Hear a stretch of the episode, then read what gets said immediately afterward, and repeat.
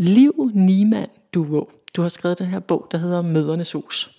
Og det er sådan lidt usædvanligt, for normalt plejer vi jo altid at bede jer om at læse op for et centralt sted i jeres bog. Og øh, det plejer at være din egen tekst. Men jeg har godt tænkt mig, at vi starter med at læse op af de citater, som du ligesom øh, indleder din bog med. Ja. Skal jeg tage begge citaterne? Det må du gerne. Vi tager det første, som er meget dystert og sørgeligt, som er fra første Mosebog. Der står sådan her, til kvinden sagde han, jeg vil gøre dit svangerskab plagsomt og pinefuldt. I smerte skal du føde børn. Puh. Og så øh, det næste er lidt mere opløftende af Charlotte Strandgaard fra en roman, hun skrev i 81, når vi alle bliver mødre. Det lyder sådan her. Vi skal bruge alle de kræfter sammen. Vi skal anvende al den viden sammen.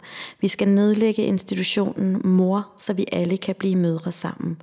Mænd og kvinder, børn og gamle. Kvinder, der har født børn. Kvinder, der ikke har født børn. Når vi alle bliver mødre sammen, vil omtanken for det enkelte liv stoppe forureningen, krig, A-kraft, sultedøden. Wow. Ikke mindre. Altså det, der er lidt sjovt, det er jo, at din bog er jo nærmest sådan en... Mm, altså det er jo virkelig en stor fødselsberetning. En fortælling om en virkelig langstrakt fødsel. Mm. Det lyder ikke som om din egen fødsel har været særlig smertefri.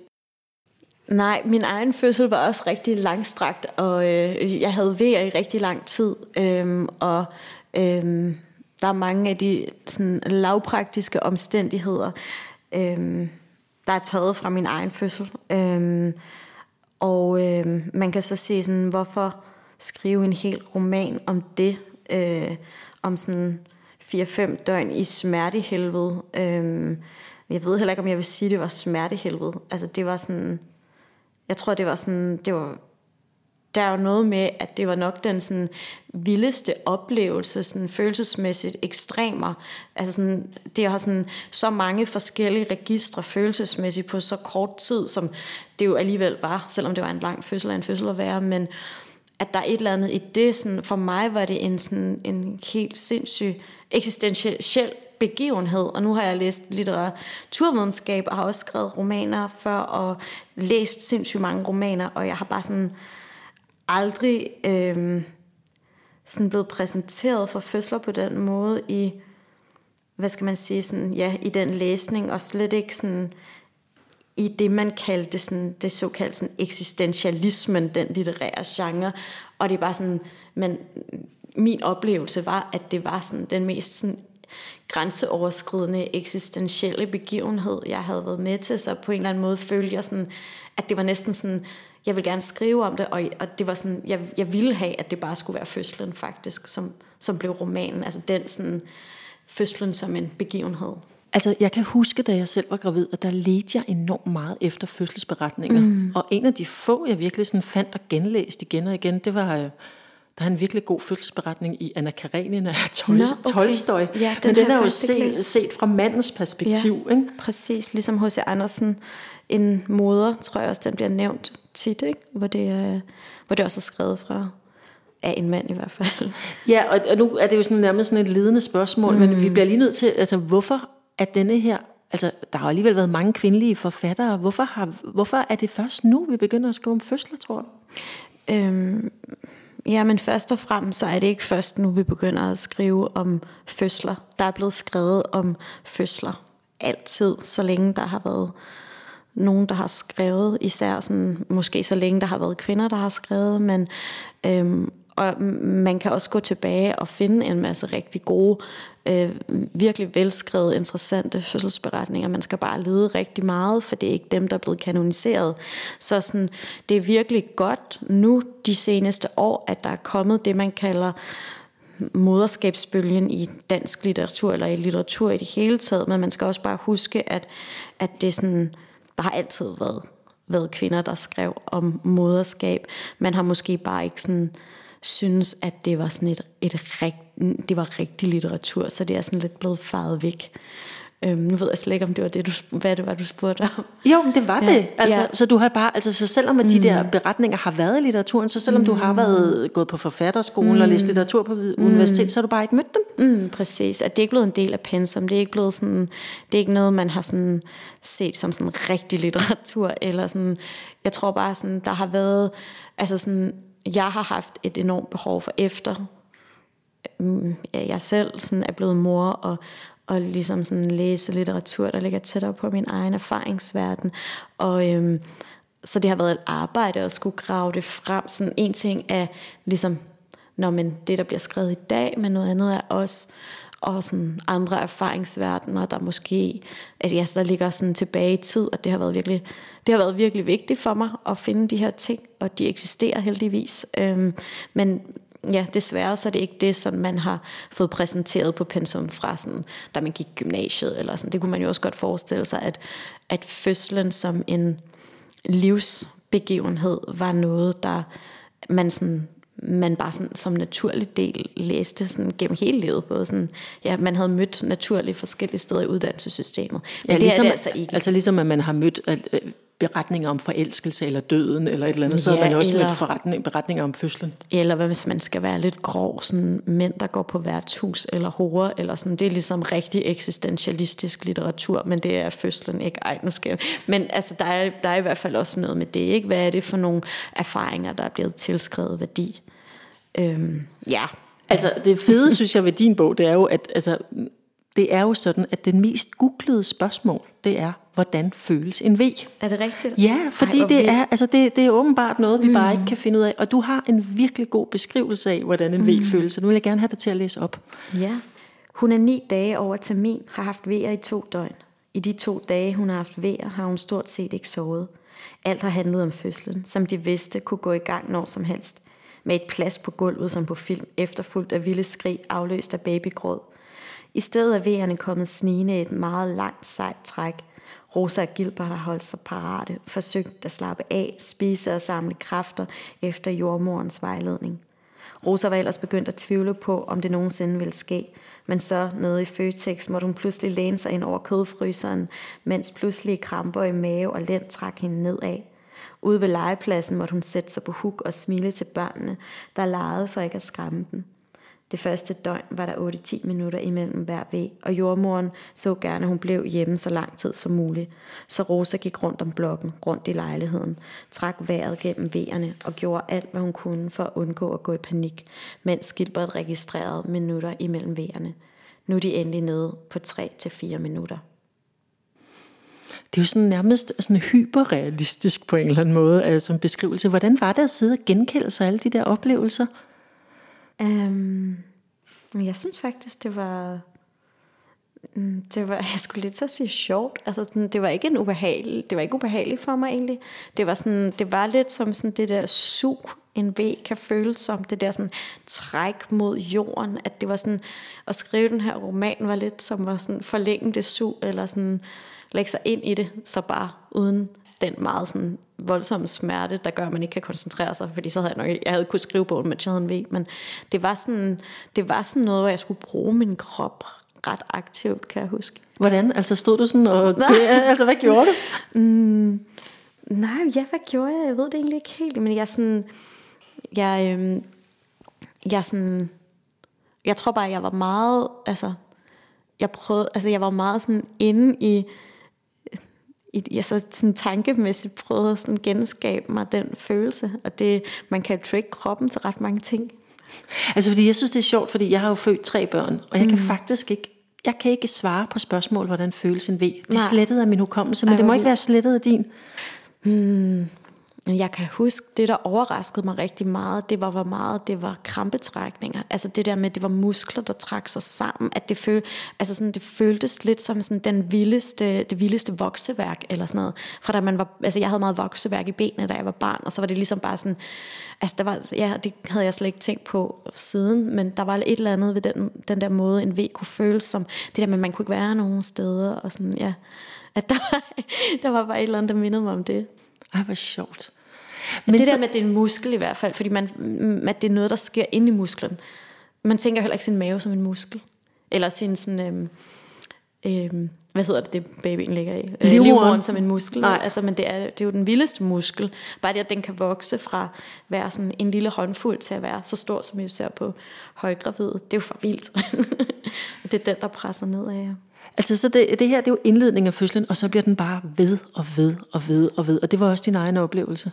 Ja, det var det. Øhm, ja, altså sådan, ja, hvis jeg skal sådan bare lige fortælle det kort, så var det sådan, så var min fødsel sådan, at jeg ligesom her i starten af romanen fik øhm, begyndt at få vejer, og jeg åbnede mig ikke, som man siger. Sådan, der var ikke, selvom vejerne blev, blev hyppigere og hyppigere, og de var virkelig til at mærke, så øh, åbnede jeg mig ikke, så øh, klinisk set var fødslen ikke gået i gang.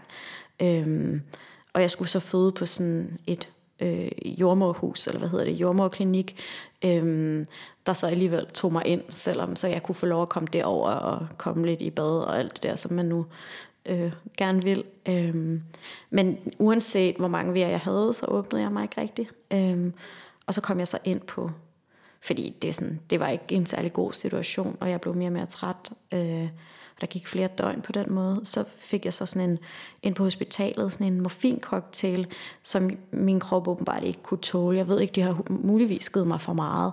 Øhm, men øhm, ja, så det reagerede jeg rigtig dårligt på og kastede op, og blev sådan, resten af fødslen var jeg meget medtaget af den her, det her morfin, som jeg kastede enormt meget op, og bare var sådan, havde kvalme, og ja, og så til sidst kom der så, mm, altså så var det tilbage til, til jordmorklinikken, og det var ligesom sådan, der skete ikke rigtig noget, så jeg følte mig sådan lidt, øh, bare sådan lidt i vejen, men der skete jo det, at jeg blev ved med at have vejer, men så sådan, kom jeg så ind på hospitalet, og så kørte, rullede det hele med øh, V-stimulerende, og selvom jeg fik alt det her, så var det ligesom sådan, der skete stadig ikke noget, selvom jeg fik V-stimulerende, og så til sidst var det så et kejsersnit, det endte med.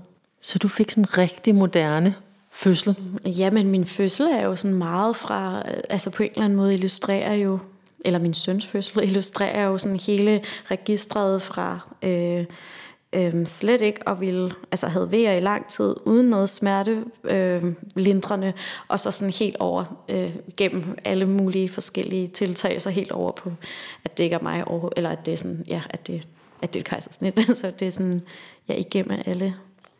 Var du skuffet?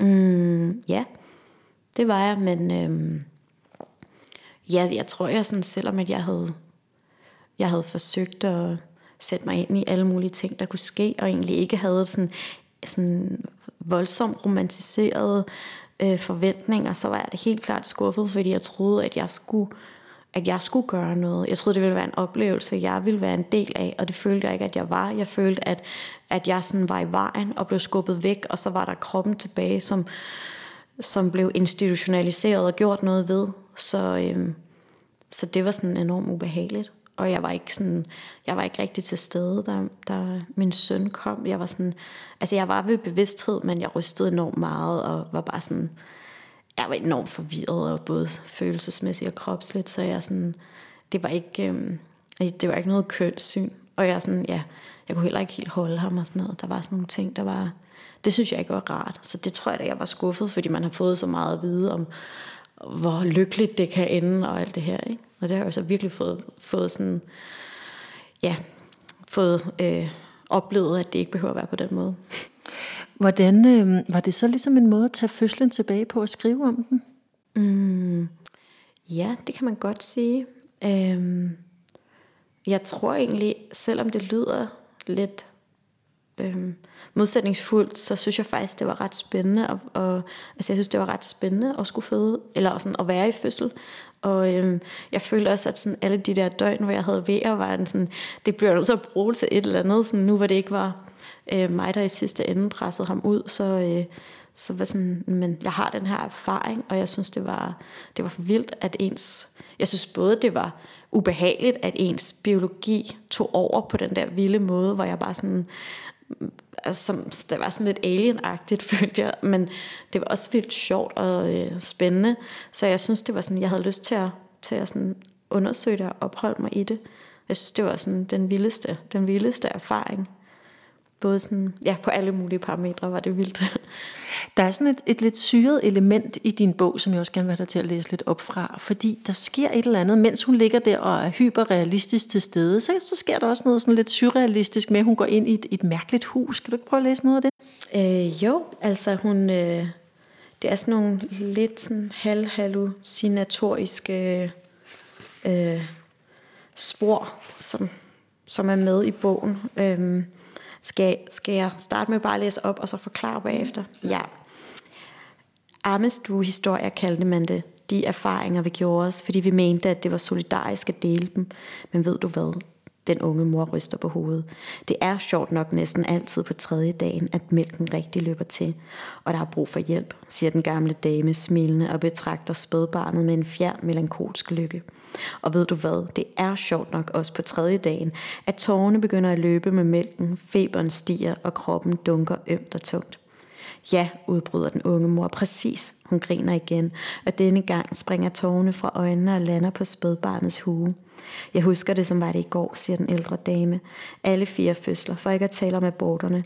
Hvad er en ammestue, spørger moren. Det er et sted, hvor tjenestefolket ammede overklassens børn. Og der fortalte man historier, eller man har vel udvekslet den viden, der var nødvendig for at udføre arbejdet. Vel lidt som på en personalestue. Og hvis man ikke har en armestue, så er der stadig et arbejde, der skal læres, og vi andre skal huske ikke at glemme det arbejde. Jeg vil ønske, at jeg kunne glemme, visker den unge mor. Jeg troede, jeg skulle dø. Hmm. Hvad er det for en scene? Jamen, det er... Øh, det, ja, det er et godt spørgsmål. Det, det er noget, der foregår. Øhm, det første gang, vi kommer til noget, der måske kunne være det her mødernes hus, som er et sådan, mm, ja, et utopisk øh, drømmested, som hovedpersonen Rosa og hendes øh, bedstemor, som også er højgravid, ligesom hende, som hun møder i sådan en ja, sådan hallucinatorisk scene ude i en skov, de går og leder efter. Øhm, og her ved Rosa ikke helt, hvad det er. Hun ved faktisk slet ikke, hvad det er. Hun er bare lige pludselig det her sted, hvor der er sådan nogle ret dejlige bassiner øhm, og nogle skønne træer, og så sådan observerer hun, så ligger hun ligesom bare og skjuler sig lidt og, og kigger på de her, den her ældre kvinde og den unge nybagte mor og lytter til deres samtale. Mm. Og hvad er det, den der bedstemor ligesom lærer Rosa? Hvorfor mm. kommer hun? Altså hun, jamen hun både lærer Rosa noget, hun har jo en erfaring, som, som skal gives videre, men mere, mere end hun lærer noget, tror jeg mere, at det er sådan, øhm, jamen der kan måske, det er måske sådan mit forsøg på at have en samtale på tværs af generationer, altså blandt mødre på tværs af generationer. Jeg, jeg har selv sådan tænkt over, hvor lidt øh, fødsler og det at være gravid har været til stede i min familiehistorie. Der har selvfølgelig været sådan, min mor hun var utrolig stolt af sin, hun har talt meget positivt om sin fødsel. Det var det dejligste, hun nogensinde har oplevet. Det var bare fantastisk. Og hun sådan, har også, jeg har også set billeder af hendes gravide mave, men min bedstemor og andre steder i familien har det ligesom ikke været til stede. Og øh, det vil jeg bare sådan, jeg synes, det var ret, jeg synes, det er spændende, hvorfor har det ikke været til stede, og hvad var hendes erfaring? Det var sådan et Det lyder nærmest som om, det er noget, du har savnet. Altså, jeg har det... virkelig savnet det, og det var et utroligt tab for mig, da jeg blev gravid, og det gik op for mig, sådan, min bedstemor er død, at jeg, at jeg aldrig fik talt med hende om det, fordi hun var utrolig vigtig i mit liv. Øhm, den sådan helt vilde begivenhed, så det var også et eller andet forsøg på at litterært set føre den samtale, som jeg ikke havde har mulighed for at føre, og så sådan, også sådan lidt, have sådan lidt, Rosa er også nogle gange lidt ude efter hende, sådan, hvorfor vil du ikke ud med sproget, hvorfor vil du ikke tale om det, hvorfor vil du ikke, øh, vil du ikke bare sige, hvad det drejer sig om, og der er jo både sådan det der med sådan, når man historisk set, eller sådan den generation, som hun tilhørte, måske heller ikke har, øh, har havde en kultur for at tale så meget om det, måske, men det kan selvfølgelig også godt være, at der er også det der med sådan, man måske skal opleve det selv, jeg ved det ikke. Så der er i hvert fald sådan alle mulige samtaler, der muligvis er lidt syrede, som de har det her, mens de går rundt ude i skoven og leder efter det her sted, Mødernes Hus, som, som de meget gerne vil hen til, uden rigtig at vide, hvad det er for et sted. Det er sjovt. Jeg kommer til at tænke på, at dengang øh, min farmor var døende, så var jeg hen og besøge hende på hospitalet, og der har mm. jeg været gravid med mit tredje barn. Ja. Og hun havde enormt ondt. Hun havde, jeg, jeg kan ikke rigtig huske, hvad der var. Hun havde utrolig ondt. Mm. Og lige pludselig så kiggede hun på mig, og så sagde hun, jeg så hun på min mave, så hun, det her gør meget mere ondt, end at føde børn. Bare husk den der sådan, altså, det vildt erfaringsudveksling. Mm. Hun havde født fem børn. Mm. Og det er jo rigtigt, hvad du fortæller, mm. at det var første gang, jeg nogensinde hørte om en af min farmors fødselserfaringer. Mm. Men hun fødte fem børn fra hun var 22 til hun var 46. Ja. Ikke? Og ja. hun har aldrig talt om det. Nej. Hvorfor, men, hvorfor talte de ikke om det, vores møde, bedste møder? Ja, og det kan også være, at de har gjort det, men det virker bare ikke sådan. Og jeg synes egentlig, altså, min erfaring er, at selvom fødsler og graviditet fylder meget på sådan, i medierne og hvad skal man sige, sådan, ja, i kulturen, så føler jeg faktisk heller ikke, at der bliver talt særlig meget om det. Jeg synes, at der er en eller anden tendens til, at man taler om det på den her sådan meget romantiserede måde, eller sådan som lidt sådan, måske mere som sådan en forbrugsting, at det er noget, man sådan, nu skal jeg opleve det, og så skal jeg videre i livet, men det der med at virkelig tale om også, hvad der sker ved øh, moren, og i og for sig også øh, partneren, altså sådan, er sådan ret vilde, sådan, ja, det der sådan, det, det er bare en vild begivenhed, og hvordan går vi ind i det, hvordan sådan forandrer det os, forandrer det os, og hvordan forandrer det os, og sådan, hvad sker der med os, det synes jeg heller ikke er noget, vi taler særlig meget om. Det er først noget, som, Øh, som jeg sådan, samtaler, jeg er begyndt at føre sådan nu efterfølgende, men det ville have været det vil, jeg virkelig, det vil jeg virkelig ønske var en større del af vores kultur, på en mere nuanceret måde, end den der sådan, ja, lidt sådan overfladiske, romantiserede, forbrugerisme måde. Det er sjovt, fordi jeg tænker, jeg sidder og tænker, mens du uh, taler, at jeg vil faktisk rigtig gerne tale om fødsel. Jeg synes, det er vildt spændende, og jeg mm. har jo en dyb erfaring med det selv, fordi jeg har født. Men for eksempel i går, der mødte jeg en førstegangsfødende, som mm. jeg holder af og godt kan lide, men ikke kender vildt godt. Ja. Og det var ligesom, at hun ikke ville vide noget. Altså, at det var sådan, nu skal du ikke sige, fordi, ja.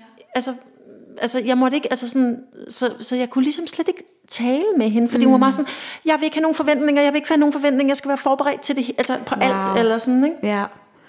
Hmm. Ja.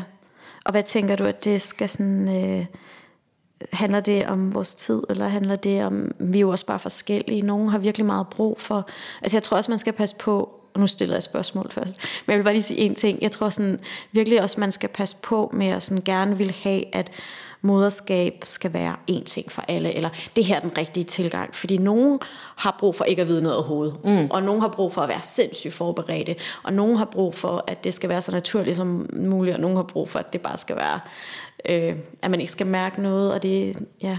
Jeg tror, jeg tænker, det er meget sjovt, altså jeg tænker, at, at der er meget kvindefællesskab, for eksempel i at snakke om parforhold. Ja. Hold nu kæft, hvor kan vi snakke om parforhold. Ikke? Bla, bla, bla, min eksmand. Men det er ligesom, at de der fødselserfaringer, at dem har vi svære ved at dele. Ja, men jeg tror også, at det, at det hvordan skal jeg formulere det? Altså, jeg tror, at det at føde for rigtig mange mennesker er ret traumatiserende. Og jeg tror ikke nødvendigvis, det handler om, at alle fødsler er dårlige, men fordi vi ikke er vant til at være så meget krop. Fordi vi både skal sådan... Jamen, selvfølgelig skal man forsøge at have kontrol over det, men der er jo også den vildeste sådan, øh, overgivelse. Altså den vildeste sådan, nu må vi bare sådan, nu, nu er der et eller andet. Vi er ikke vant til ikke at være i kontrol. Vi er vant til sådan, vi er også en kultur, hvor det der sådan, især kvindekroppen skal jo bare kontrolleres. Så vi er, sådan, vi er en generation måske også, der virkelig sådan har skulle kontrollere vores kroppe rigtig meget. Og så det her med at føde, så sådan, så skal vi pludselig det modsatte, og det kan være, det er jo bare en ret ny erfaring, og det, det er ikke for at sige sådan, ah, jeg ved det ikke, nogen, altså det går på alle mulige forskellige måder, og for nogle er det måske også en, vir- en helt vild befrielse, øhm, og bare sådan være, være i kroppen på den der måde, men det er bare en ret vild oplevelse, og øhm, jeg tror, der er rigtig mange, der måske sådan, altså hvad gør man bagefter, altså som, sådan, som pakker det væk et eller andet sted ind i sig selv, så det bliver, og så bliver det et traume, ikke? fordi man ikke taler om det Altså, så bliver det også sådan, hvis man ikke bare sådan med det samme taler rigtig meget om det, eller er i en kultur, et miljø, hvor det er okay at tale rigtig meget om det, så bliver det noget underligt noget inde i ens selv. Øhm. Ja, og det føles nok også meget øhm, intimt, ikke? Altså det er ja. lidt ligesom at, at stå på, altså at stå og møde en, altså jeg kendte hende ikke så godt hende der, ikke? Og ligesom give hende gode råd om hendes sexliv.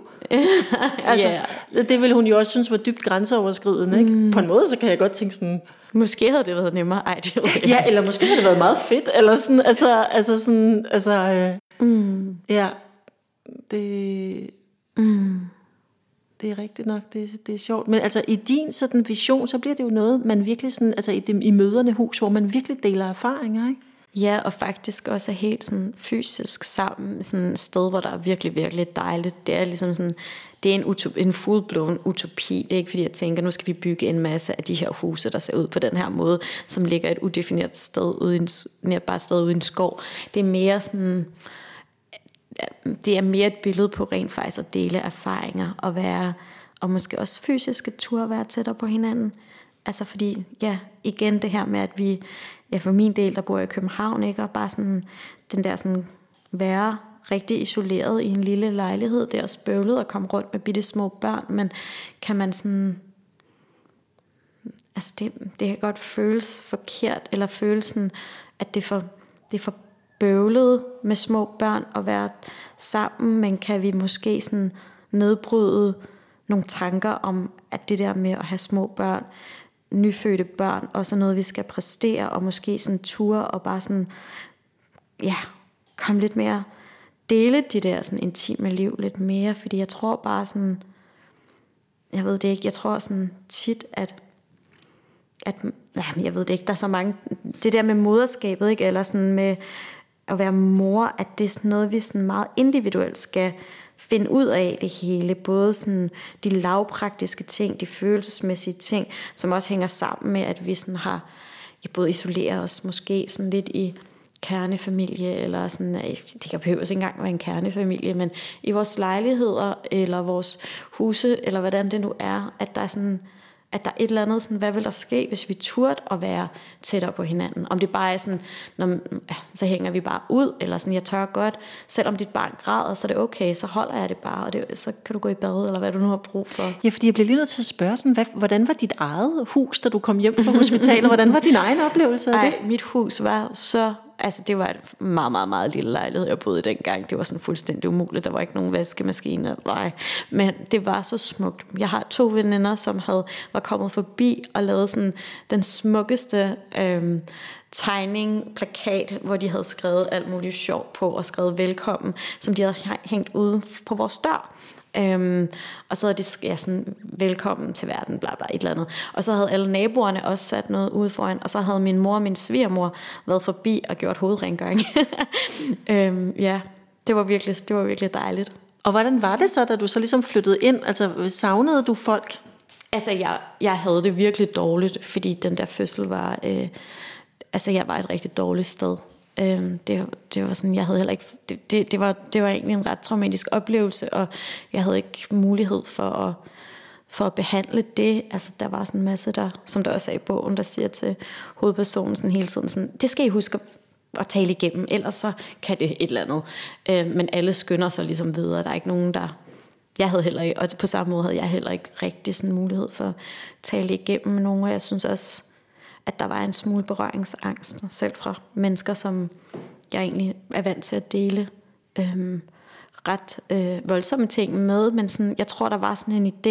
Jeg kunne godt mærke, at når jeg talte, prøvede at åbne en lille smule op for, hvor, hvor sådan hvor, hvor voldsomt det havde været, og hvor meget det havde påvirket mig, og hvor sådan ude at skide på en eller anden måde jeg var. Selvom jeg også var mega lykkelig for barnet og sådan noget, så var jeg bare sådan et ret forfærdeligt sted, og det var sådan, at når jeg åbnede for det, så var der sådan et eller andet sådan kulturelt tvang, der talte igennem selv min tæt til det venner, som var sådan, ja, ej, ja, det kan jeg godt for. Men ej, det var godt, det gik godt, var. Det gik jo godt, og ej, og han har det jo godt, og han er bare sød. Og det var sådan, ja, det ved jeg, det synes jeg også, men det var ligesom sådan, der var ikke rigtig noget sted, hvor man bare sådan kunne, ja, jeg ved det ikke, det var i hvert fald den reaktion, som jeg, som jeg mødte.